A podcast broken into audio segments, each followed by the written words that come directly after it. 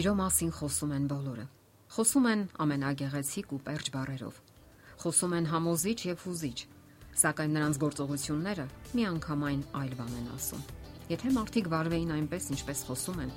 ապա մեր աշխարհը միանգամայն այլ կլիներ, որովհետեւ մարդիկ սիրում են գեղեցիկ խոսել, այլ ոչ թե գեղեցիկ գործել։ Սիրո մասին նաև շատ են գրում։ Գրում են հուզիչ բանաստեղծություններ ու պատմություններ ներբողներ ծոնում մայրական սիրուն, հայրենիքին ու բնությանը։ Գրում են ամբողջ գրքեր ու հատորներ։ Այս ամենը հուզիչ է, գեղեցիկ, սակայն կյանքում մենք դարձյալ այլ բան ենք տեսնում, որ մեր կյանքը շարունակում է մնալ անկենթան ու սառը, առանց մարդկային անշահախնդիր ու ջերմ հարաբերությունների։ Սակայն գոյություն ունի մի գիրք, որը գրում է սիրո մասին որպես սկզբունքի եւ գործողությունների մղող զորության Այն գեղեցկացնում է մարդկային կյանքը եւ իմաստ հաղորդում։ Այդ գիրքը Աստվածաշունչն է։ Աստվածաշնչի մասին տարբեր կարծիքներ կան։ Ոմանք այն համարում են պատմական գիրք, գրական անմահ կոթող, բարոյականություն քարոզող գիրք եւ այլն, կամ որպես ազգերի մարդկության առաջացման ու պատմության համառոտ շարադրանք Այդ գրքում իրատեսական ու ճշմարտացի ներկայացված են ոչ միայն մարդկային պատմության ցակման ու ընթացքի նրա վերջաբանի շարադրանքները, այլ հենց ինքը մարդը։ Մարդն է գրքի կարևոր կետերից մեկը։ Իր ողջ ուզ աշխարհով զգացմունքների բազմազան ներկապնակով։ Աստվածաշնչյան հերոսները կենթանի մարդիկ են, ովքեր ապրում են ու շնչում, հուզվում, ուրախանում ու տխրում։ Նրանք լացում ու տարապում են, սիրում ու ուրախանում, պայքարում իրենց երջանկության համար եւ վերջապես հավերժական կյանքի համար։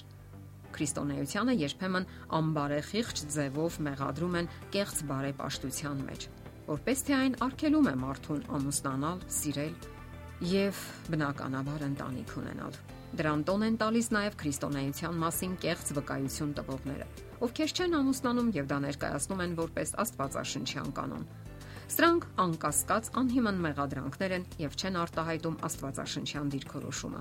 Քրիստոնեությունը իրականում սատարում է սերը։ Սատարում է ընտանեկան ամուսնական ուխտը՝ իդեմս տղամարդու եւ կնոջ ամուսնական միաբանության։ Աստվածաշունչը այսպես է ներկայացնում դա. Եվ Ադամն ասաց. Սա հիմա ոսկր է իմ ոսկրից եւ մարմին է իմ մարմնից։ Սրանք կոչեն կին, որովհետեւ սա իր մարդուց առնվեց։ Իսկ ամուսնական միաբանության մեկ ձև գոյություն ունի։ Աստծո խոսքում կարդում ենք. Տղամարդը կհարի իր կնոջը եւ նրանք մեկ մարմին կլինեն։ Ինչ է ենթադրում այդ միությունը։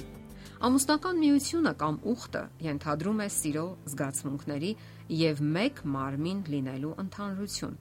Աստվածաշնչի էջերում բազմաթիվ գեղեցիկ պատմություններ կան ընտանիքի, սիրո եւ զգացմունքների կարեւորության մասին։ Մարդկային ընտանիքի առաջին սիրո պատմությունը Ադամի ու Եվայի պատմությունն է։ Նրանք անկասկած շատ են սիրել միմյանց։ Դա մարդկային պատմության առաջին ընտանիքի սիրո շարադրանքն է։ Մենք իհարկե չգիտենք մանրամասներն այն բանի, թե ինչպիսին էին նրանք իրենց ընտանիքում, հատկապես մեղ գործելուց հետո։ Սակայն անկասկած է մի բան։ Նրանք բավական հետաքրքիր ու երկար համատեղ կյանք են ապրել։ Աստվածաշնչում մենք կարդում ենք նաև Աբ รา համի ու Սառայի միջև ուժեղ քնքուշ կապի մասին։ Չնայած կնոջ Սառայի անպտղությանը Աբ รา համը չհրաժարվեց նրանից, իսկ ծերության օրերին Աստված զավակ ապարգևեց նրանց։ Անցնում են տարիներ,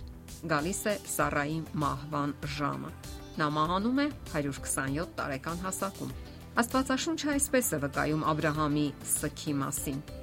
Աբ รา համը եկավ որ Սառայի համար սուք անի եւ ողբա։ Գիրքը չի հիշատակում, սակայն մենք կարող ենք պատկերացնել, թե ինչպես է Աբ รา համը հիշում իրենց համատեղ երջանիկ տարիների ողջ տարեգրությունը, համատեղ պայքարն ու ուրախությունները, սիրո երջանիկ պահերը։ Ահա թե ինչու էր սքում եւ ողբում հավատի այրը, երբ արդեն մոտենում էր կյանքի մայրամուտին։ Այս պատմություններով չի ավարտվում Աստվածաշնչյան ընտանիքների համատեղ կյանքի նկարագրությունը։ Հիշենք Իսահակի ու Ռեբեկայի, Հակոբի ու Ռաքելի սիրո պատմությունը։ Երկերքոց գիրքը նույնպես նկարագրում է ամուսնական սիրո ողջ գեղեցկությունը պերճ բառերով։ Սողոմոնը ներկայացնում է կնոջը իր ողջ մարմնական գեղեցկությամբ, եւ որի միակ նպատակը ամուսնական ուխտն ու հավատարմությունն է, որոնց հիմքում տղամարդու եւ կնոջ սերն է։ Բազմաթիվ են այն ոլորտները, որտեղ կարող է դրսևորվել սերը, Այսօր մեր օրերում իսկապես կարևոր է հասկանալ, թե ինչքան մեծ նշանակություն ունի այն մեր կյանքում։ Ոչ միայն զգացմունքային սերը, այլ գիտակցական սերը մարդկանց հանդեպ, այն մարդկանց, ում հետ մենք շփվում ենք։ Մենք բոլորս սիրում ենք մեր սիրելի անznավորություններին։ Բոլորն ունեն այդ սիրո կարիքը Եվ երբ կարողանում ենք դրանից բաժին հանել նաև մեր շրջապատում գտնվող մարդկանց, մեր կյանքը անհամեմատ ավելի է գեղեցկանում։ Աստված այդ ձևով է ցանկանում գեղեցկացնել մեր աշխարհը։ Այնպես, ինչպես ինքը սիրեց մեզ, նույն ձևով նա մեզ է առաջարկում սիրել մարդկանց։ Սիրել մեր կողակցին։ Լինենք նրա համագործակիցները, սիրո համագործակիցները։ Եթերում ընտանիք հաղորդաշարներ։ Ձեզ հետ է Գեղեցիկ Մարտիրոսյանը։ Հարցերի եւ առաջարկությունների դեպքում զանգահարեք 041 08 20 93 հեռախոսահամարով։ Հետևեք մեզ hopmedia.am հասցեով։